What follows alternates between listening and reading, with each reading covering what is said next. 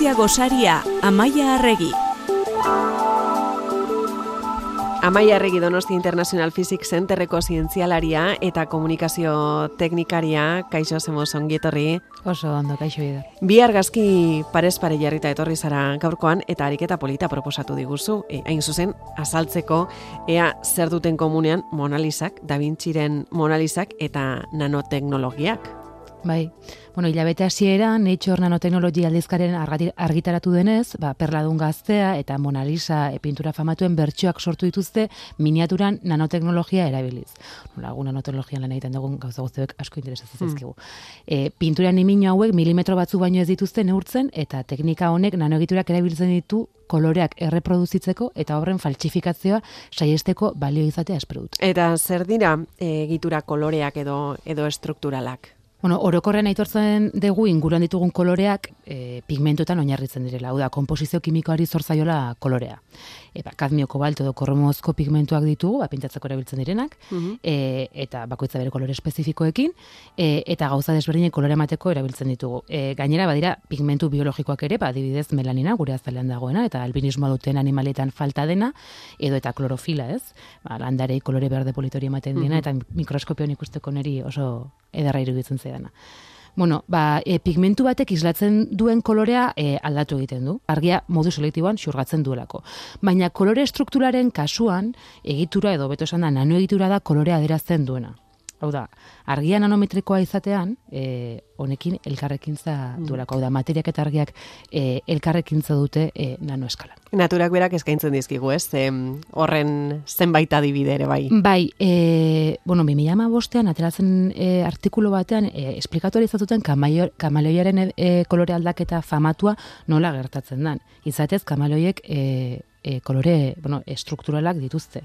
Osa, beraien azalean, e, bueno, kolore aldaketa e, nanoeskolan dago oinarritua eta interferentzia optiko izeneko fenomeno fisiko batean e, ondorio da. Osa, narraste hauen azalean aurkitzen diren guarinazko nanokristalez osatutako sare batean birrantolaketak gertatzen dira. Hau da, kristal batzu daude eta kristal hoien e, hemen ikuste erakuste dizudan argazki mm -hmm. Kristal e, nimino batzu nanokristal batzuk eta nanokristal hoiek egoren arabera, ba, lasai dagoenean, ba, uzkurtuago daude edo gertuago daude batzu bestengandik, sare asko zere dentsoagoa da eta lasai dagoenean edo, edo alderantziz estiratzen denean, ba, e, zabaldu egiten dira. Eta horrek egiten du, ba, interferentzia optiko e, hori desberdina izatea eta kolore aldaketa beraien azela. Norde esan dezakegu nanokristal sare bat daukatela e, eta sare horren e, dentsitatea aldatzen dutela. Ba, kasu hontan ere, e, egiturari zortzaion kolorea sortuz. Kamaleoiaren abada bat, tximeletanena ere izan liteke ez? Bai, e, eta bueno, guk e, zientzia astera joaten gara inan estanarekin, bai, e, aprobetsatzen dugu buruz hitz egiteko, zeren askotan nanoteknologia natural oinarritzen da, ez? Mm. Ba, e, dispositibo edo teknologia aurreratuak garatzeko, ez? Orduan, bueno, e, gut dere baten genuen tximeleta hau, morfo familiakoa, e, e, gogoratzen da Valentziako esoterismo talde bat erosi geniola, e, ba, asko ah. talisman bezala erabiltzen dutelako, eta kasu hontan e, e, tximeleta hau e, irisatua da, hau da, iristentzia dauka, fenomeno bezala, eta iristentzia zer da, ba, kolore hori, ba, nanoegitura, e, oza, tximeletak nanoegitura badauka bere egoetan, eta e, nanoegitura horrekin argiak e, talka egiterakoan, ba, argia e, errebotatzen zabaltzerakoan zabaldu egiten da. Zabaltzerakoan horrek esan du toki batetik edo bestetik behiratuta kolorea desberdina izango dela. Kasu hontan urdin bat, baina tono aldaketa batekin, ba anguluaren arabera. Mhm. Horrek diztira bat ematen dio, ba e, tximeletak e, e, egoak astintzen dituenean, ez? Mhm. Eta horregatik da hain berezia. Mhm.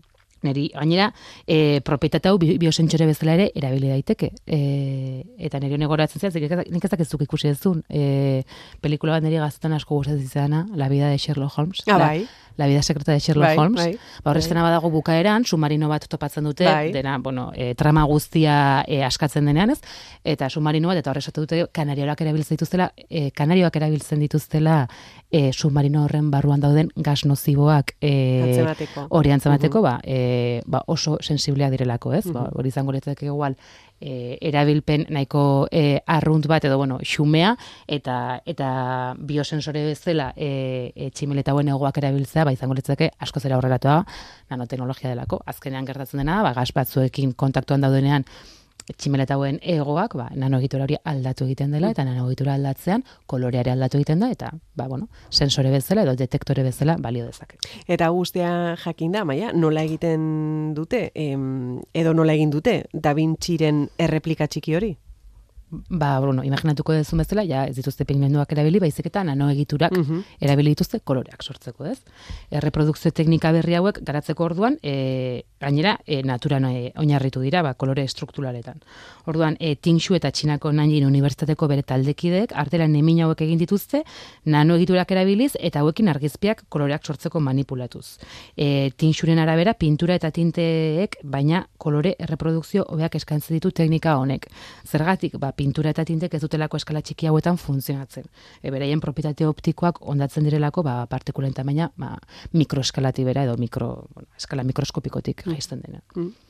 Haizu, eta e, falsifikazioei dagokienez, e, honek zer, zer suposatuko luke?